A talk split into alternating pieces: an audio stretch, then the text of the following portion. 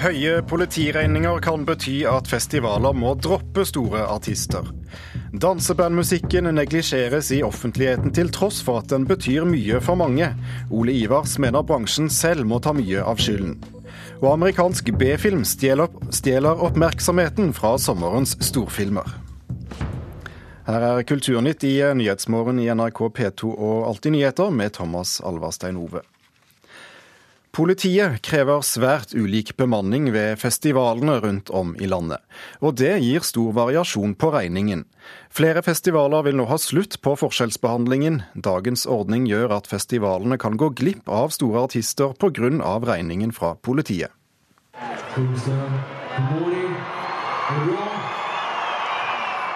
Omtrent 30 000 mennesker var innom Døgnvillfestivalen i Tromsø i fjor. I likhet med andre store musikkfestivaler i Norge er det politi til stede for å ivareta sikkerheten. Men det politiet tar betalt varierer stort fra festival til festival rundt omkring i landet. Mange arrangører synes prisen for vakthold er høy. Absolutt. absolutt. Jeg har stor forståelse for en del festivaler som sliter alvorlig med sånne utgifter, og det burde vært gjort noe med det. Så jeg syns det burde vært lagt en mal og kanskje en litt mer edruelig måte å gjøre det på. Det sier markedssjef Helge Markusson i Døgnvillfestivalen. I flere år har det vært debatt om norske festivalers utgifter til politivakthold, og derfor sendte Politidirektoratet i 2011 ut et rundskriv for å klarne opp i situasjonen. En fast timesats ble bestemt, men det skal fortsatt være opp til det lokale politidistrikt å avgjøre detaljene rundt bemanningen, f.eks. hvor mange som skal være på jobb. Markusson forklarer at festivalene ikke har noe valg når regninga kommer. Alternativet er å ikke arrangere noen ting, og alternativet er også det å la det gå ut over sikkerhet, og det ønsker vi jo ikke. Og Markusson får støtte fra Cato Fjugstad, som er sikkerhetssjef for festivalen Norwegian Wood. Fjugstad har en universitetsgrad i publikumssikkerhet og mye erfaring fra vakthold på norske festivaler. Han mener dagens ordning disponerer for forskjellsbehandling. Satsene er jo nasjonale, men saksbehandlingen er veldig lokal. Jeg tror vi burde hatt en mye mer helhetlig håndtering nasjonalt sett, istedenfor at eh, de lokale politidistrikt eh, ja, forskjellsbehandler på den måten de gjør i dag. Politiet i Tromsø mener det trengs minst seks politifolk på jobb under Døgnvillfestivalen, og regninga blir derfor 150 000 kroner. Selv om Norwegian Wood både varer lenger og har flere besøkende, slipper festivalen unna med godt under halvparten fordi Oslo-politiet mener det her er nok med to politifolk på jobb. Nå er vi heldige. Vi har eh, god, et godt samarbeid med det lokale politiet på Majorstua, som sørger for å hjelpe oss med å få kostnaden noe ned. Line Endresen leder Norsk Rockforbund, som er konsertarrangørenes interesseorganisasjon. De kjenner godt til debatten, og har bedt sine 280 arrangører klage til Politidirektoratet i visse tilfeller. Vi har sendt ut melding til våre medlemmer om at de må klage dersom de føler at politidistriktene nå fakturerer for mye. Dette har vært en kampsak for oss i veldig veldig mange år. Det viktigste for oss er at det er likhet for loven, og at eh, dermed de regningene som kommer, står i stil og kan sammenlignes på tvers av hvor man er i landet. Politiet sender ut regninga for vaktholdet i forkant av arrangementene, og flere av festivalene NRK har vært i kontakt med, opplyser at dette kan være problematisk. Helge Markusson i Døgnvill forklarer at det i verste fall kan føre til at festivaler må droppe store artister. Og Da står valget mellom å enten betale for politi eller få en god artist. og Kanskje i, i, ytterste konsekvens så gjør det det at de må takke nei til virkelig gode artister for at pengene går til, å, til et vakthold. Kristine Lankås er fungerende direktør for juridisk avdeling i Politidirektoratet, og fornøyd med ordningen. Hun forklarer at det er mange lokale hensyn å ta når politivaktholdet skal bestemmes. Jeg vil jo si at Det er jo vurderinger som egentlig må gjøres lokalt. Fordi det handler jo om eh, geografi, det lokale stedet der, om publikum som er lokalt. Og det vil nødvendigvis måtte utøves eh, et skjønn. Eh, så det å sentralisere de vurderingene, det er neppe så enkelt. Men er det en løsning som kan disponere for forskjellsbehandling? Jeg kan, kan, vel vanskelig spekulere i det, og i og med at det er, det er, nødt til å utøves et lokalt skjønn for å vurdere hvilket sikkerhetsopplegg som er nødvendig, og hvilke utgifter som kan kreves dekket. Det kommer man ikke unna. Reporter i denne saken var Martin Hotvedt. Vi skal til Daniel Norgård, musikkforsker ved Agderforskning. Du har også erfaring som festivalarrangør selv. Mange festivaler får mye støtte fra det offentlige, men eh, samtidig sliter de med store offentlige utgifter. Hvilke utfordringer byr dette på? Ja, det, det, er jo et paradoks, kan du si, sånn at uh, veldig mange festivaler mottar en god sum, uh, en god del midler, offentlige midler, uh, til å være med på å lage store arrangementer. Men samtidig så regner man ofte opp med å betale mer enn det man får i støtte, også inn til, til offentlige oppgaver.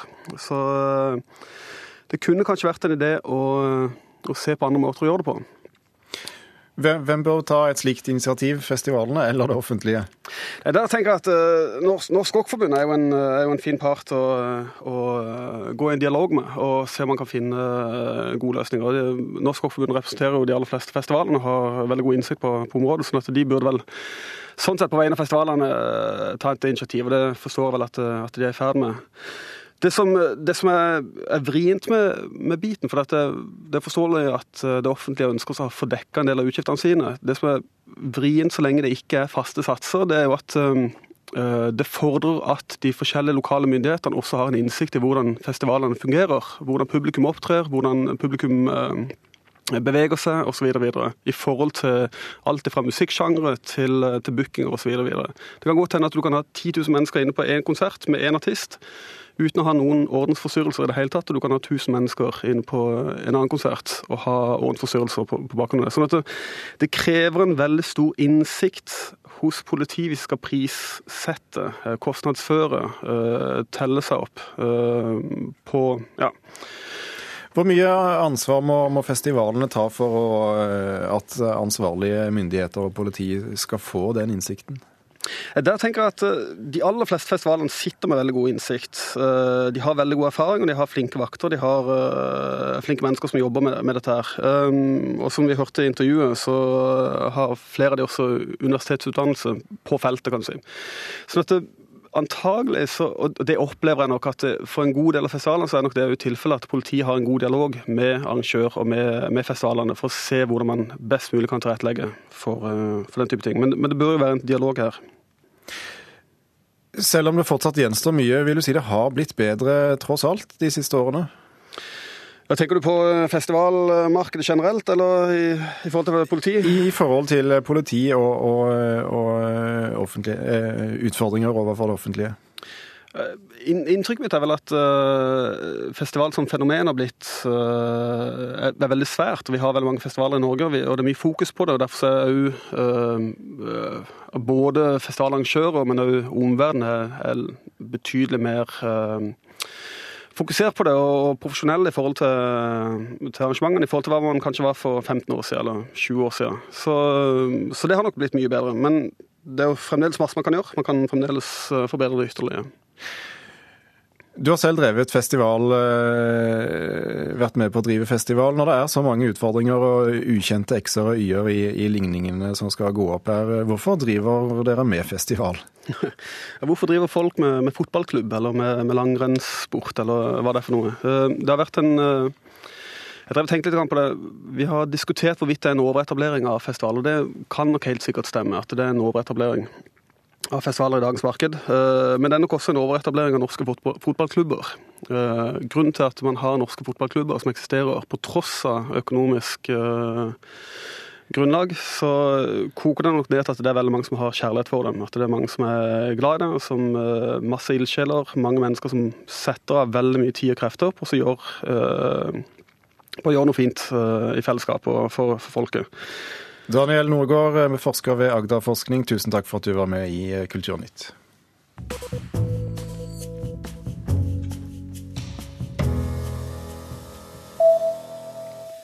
Bill Gates og kronprinsparet er god reklame for Sørlandet. Det sier daglig leder i Visit Sørlandet, Heidi Sørvik. I går besøkte Microsoft-gründeren kronprinsparet i Kristiansand, og bilder og film av visitten har fått høy omsetning. TV-bilder av Bill Gates og hans private fly på Kjevik i går. Microsoft-gründeren med familie besøkte kronprinsparet, som har feriested på Dvergsøya i sørlandsbyen. God sørlandsreklame, mener reiselivsbransjen. Ja visst er det det. Det er jo kjempehyggelig at eh, kronprinsparet tar imot en eh, av verdens mest kjente mennesker eh, i fjærsteinene i Kristiansand. Det er jo flott reklame for Sørlandet sier daglig leder Heidi Sørvik i Visit Sørlandet, en organisasjon som skal markedsføre landsdelen. Også varaordfører i Kristiansand, Jørgen Kristiansen, er begeistret over besøket. Det at kronprinsparet ønsker å vise den flotte skjærgården vi har til, Bill Gates, det syns jeg bare er aldeles glimrende. Og får vi noe, noe gode opptak eh, på både riksmedia og andre steder av, av vår flotte sørlandsskjærgård, så syns jeg det er helt suverent. Nei, Det er klart at eh, det er veldig bra at Sørlandet blir synlig i eh, nasjonale medier på en så positiv og hyggelig sak. Det er jo kjempeflott, og det viser jo òg noe om hvor stor pris kronprinsparet kanskje setter på det å feriere i Kristiansand. At de også velger å ta imot Bill Gates her. Sier Sørvik. Varaordfører Kristiansen er glad for at en av verdens rikeste personer har fått sett sørlandsskjærgården, fordi altfor få utlendinger har sett den, mener han. Det er veldig sjelden at en ser utlendinger og turister eh, på svabergene. Så eh, jeg skulle gjerne sett at, eh, at destinasjonsselskapene hadde brukt enda mer tid på å få til noe i forhold til, til det. Og kanskje har Bill Gates hatt Tean i tanga? Ja, ja, jeg får håpe det. Det hadde ikke vært sånn superfint ved, men, men eh, det er klart, eh, tjern i tanga på Sørlandet, det er det gode liv. Ja, Kristiansands varaordfører til reporter Lars Eie. Amerikanske myndigheter reagerer kraftig på at Syrias president Bashar al-Assad har opprettet en profil på bildedelingstjenesten Instagram. Bildene publisert fra kontoen viser den syriske presidenten og hans kone Asma Assad i ulike situasjoner som gir lite inntrykk av å komme fra et land i krig. Det er motbydelig at Assad-regimet bruker dette til å dekke over brutaliteten og lidelsen det skaper, sier talsperson for det amerikanske utenriksdepartementet Marie Harf om Assads Instagram-konto. FN anslo tidligere i sommer at minst 100 000 mennesker har blitt drept så langt i borgerkrigen. Filmgiganten Universal skal spille inn en ny versjon av narkoklassikeren Scarface. Harry Potter-regissør David Yates skal trolig regissere den nye versjonen, som ikke vil være en ny innspilling, men kun basere seg på grunnhistorien. Den originale Scarface fra 1932 eh, er fra 1932, men eh, versjonen fra 1983 med Al Pacino har blitt den mest kjente.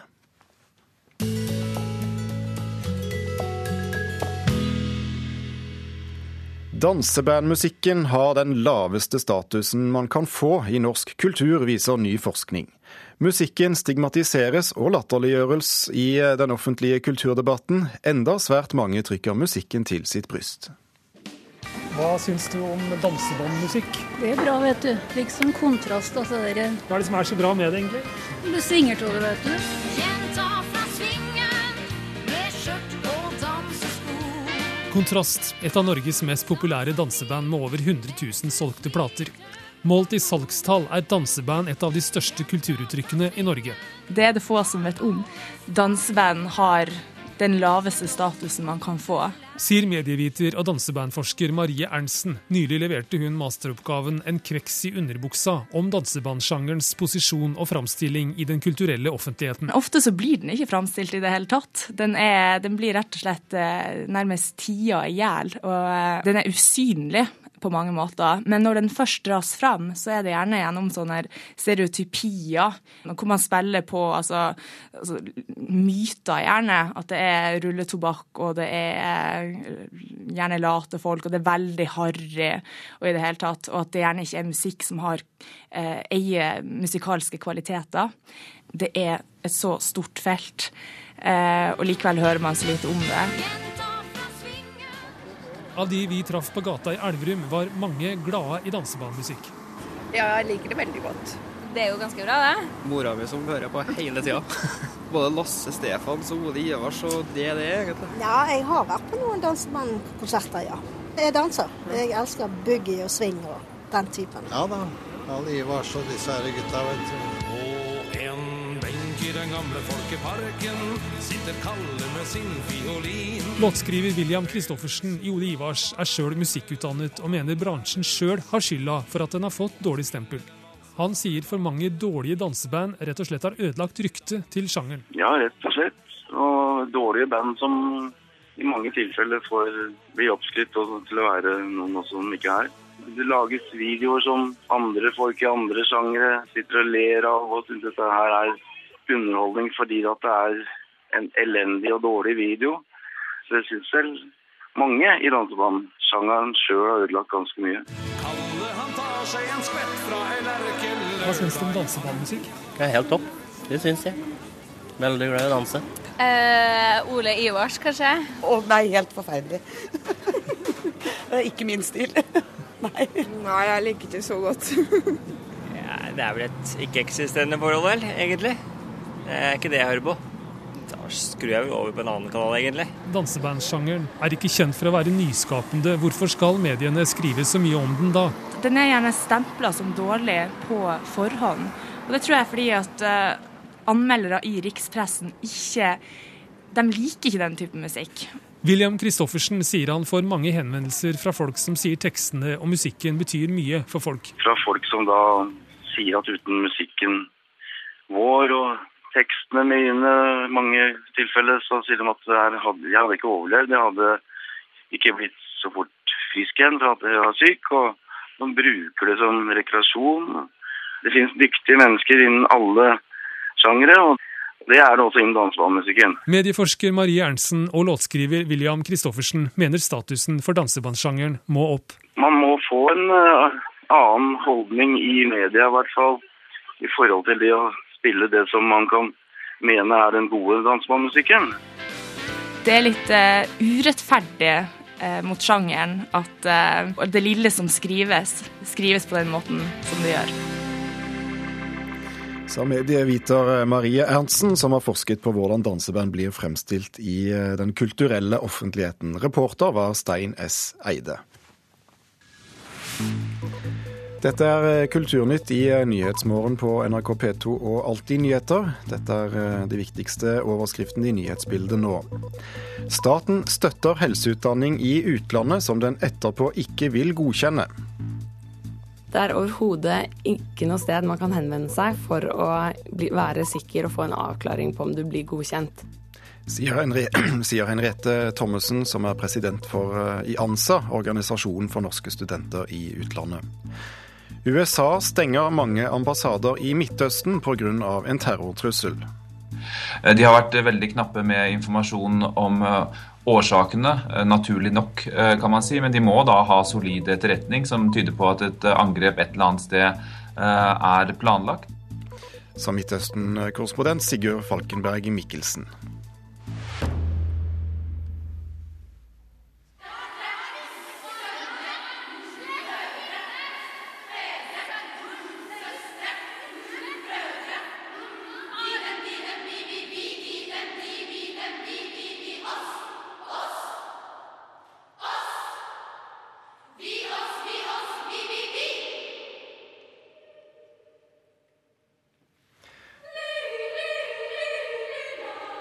Her hører vi Det Norske Jentekor urfremføre verket 'Asylos' i et opptak fra en konsert i Nidarosdomen i går kveld under Olavsfestdagene.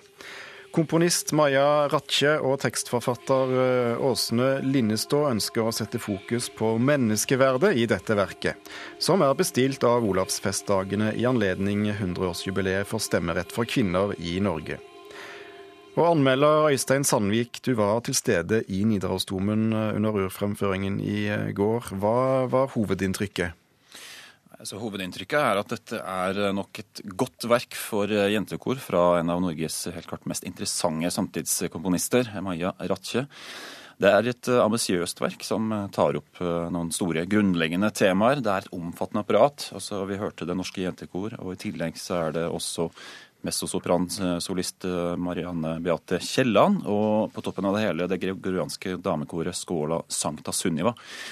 Det er ikke alt som fungerer like bra. Tematikken kan bli litt ufokusert og generell, og noen partier av verket er litt eh, rotete. Men på sitt beste så er Asylos et gripende verk som kommuniserer veldig godt med publikum, og derfor fortjenes å fremføres flere ganger. Og så må det nevnes at fremførelsen var meget god i alle ledd. Ikke minst uh, Det Norske Jentekor imponerer med klokkeren og presis sang og st stor innlevelse.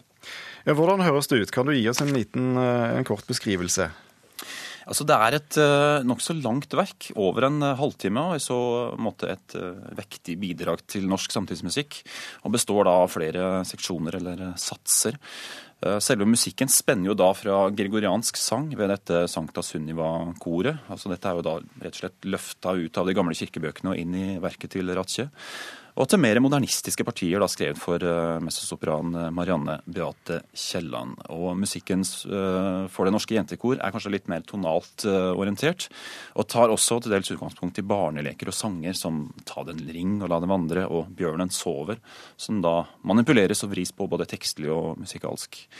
Og Når det gjelder temaet, så har eh, komponist Ratche og tekstforfatter Linnestå vridd det mer over til å handle mer generelt om menneskeverd, og da med utgangspunkt i tekster av den franske filosofen Simone Weil. Eh, så det er, eh, Du har disse tre elementene, disse to korene og solisten, som dels opptrer alene med seksjoner hver for seg, og også seksjoner vi kan høre alle sammen i en slags kompleks vev.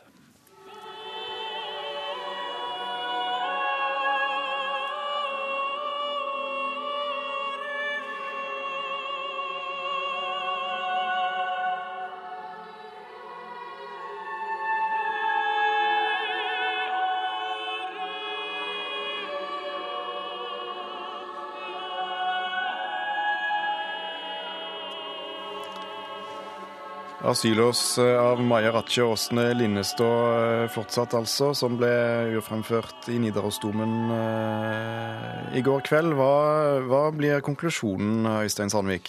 Nei, så Dette er først og fremst godt komponert av Ratche. Altså, hun har et veldig godt grep om dette mediet, da, som er kvinnestemmer i forskjellige aldre mengder og typer. Uh, og så er det også imponerende fremført av Det Norske Jentekor. Uh, solid innsats fra dirigent Anne Karin Sundal. Ask, altså Vi må jo huske at dette er unge sangere som fremfører til dels ganske krevende musikk med koreografi, bevegelse og det hele uten noter. ikke sant? Altså Dette er innstudert uh, utenat så er det ikke alle partier som fungerer like godt. Eh, på ett punkt så skal da barnekoret leke storleken til gregoriansk sang, og det er en morsom idé, men det endte opp som litt sånn rotete og ufokusert. Eh, så verket gjorde størst inntrykk i de partiene hvor de tre elementene var tettest integrert, altså messosopranen, det gregorianske koret og jentekoret, som i avsnittet vi hørte her i stad. Eh, og når det gjelder tematikken, så sier jo kanskje ikke teksten så mye mer enn at eh, menneskeverdet er ukrenkelig, og at eh, mennesket har en iboende godhet. altså Dette er noen poenger de har henta fra Simone Weil. Litt, litt, generelt, og sier kanskje ikke så innmari mye. Og så ligger det også i tittelen at dette skal handle om asylanter, altså asylos. Og det, det kom rett og slett ikke, ikke, frem i det hele tatt. Så det, det er kanskje et element som man burde ha droppa å snakke om i det hele tatt.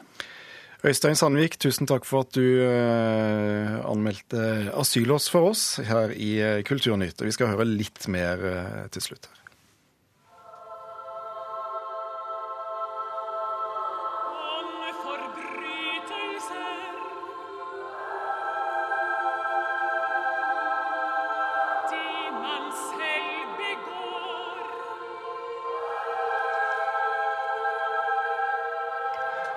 Asylos av Maja Ratche og eh, Åsne Linnestå fra eh, Olavsfestdagene i Trondheim i går. Og hele denne konserten og hele verket kan du høre på P2 i kveld klokken 19.30. TV-filmen 'Sharknado' har verken store stjerner eller høye budsjetter. Likevel har den fått mer oppmerksomhet enn Hollywoods eh, blockbustere denne sommeren. Den første visning på amerikansk TV skapte storm på sosiale medier, og nå skal den billige TV-produksjonen settes opp på 200 amerikanske kinoer.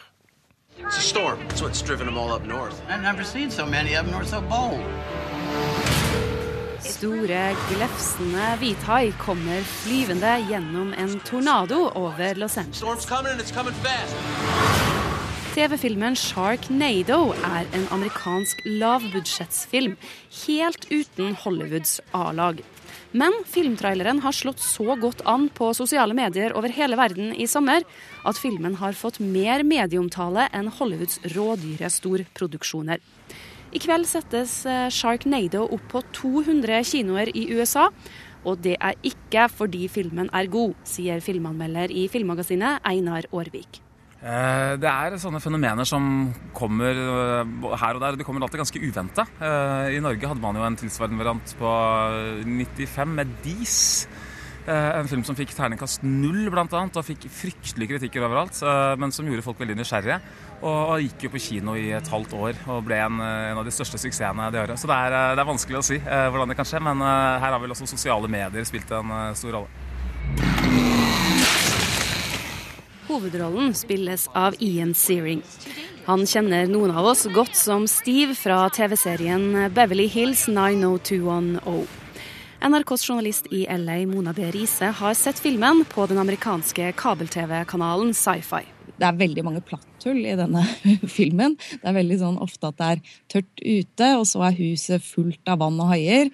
Og det er sol i stort bilde, og så er det tornado i nærbildet. Det er liksom så be som det kan få blitt. Så altså, alle har skrevet om det. Veldig mange kjente var jo også med på Twitter, altså fra Mia Farrow til NBCs politiske guru Chuck Todd. Og jeg leste en Times-journalist eh, som skrev om dette, som var på ferie. Han skrev at noen ganger så må man avbryte jobb som journalist når det blir krig, presidenter blir skutt, eller når det kommer en sharknado. Og så faller den jo inn i en tradisjon av haifeber også. Alle elsker jo hai. Eh, Discovery Channel har jo sånn Shark Week. Eh, det er 26. år i år eller noe sånt. Etter stor suksess har teamet bak filmen bestemt seg for å lage en oppfølger denne gangen fra New York. Og mange har kommet med forslag til hva filmen eh, kan hete, forteller Riise fra LA. Volcano, Birnami, Hippoquake, Lizard Blizzard og sånne ting. Men eh, det er jo bare å hive seg på da, på denne nye tittelen til Sharknado.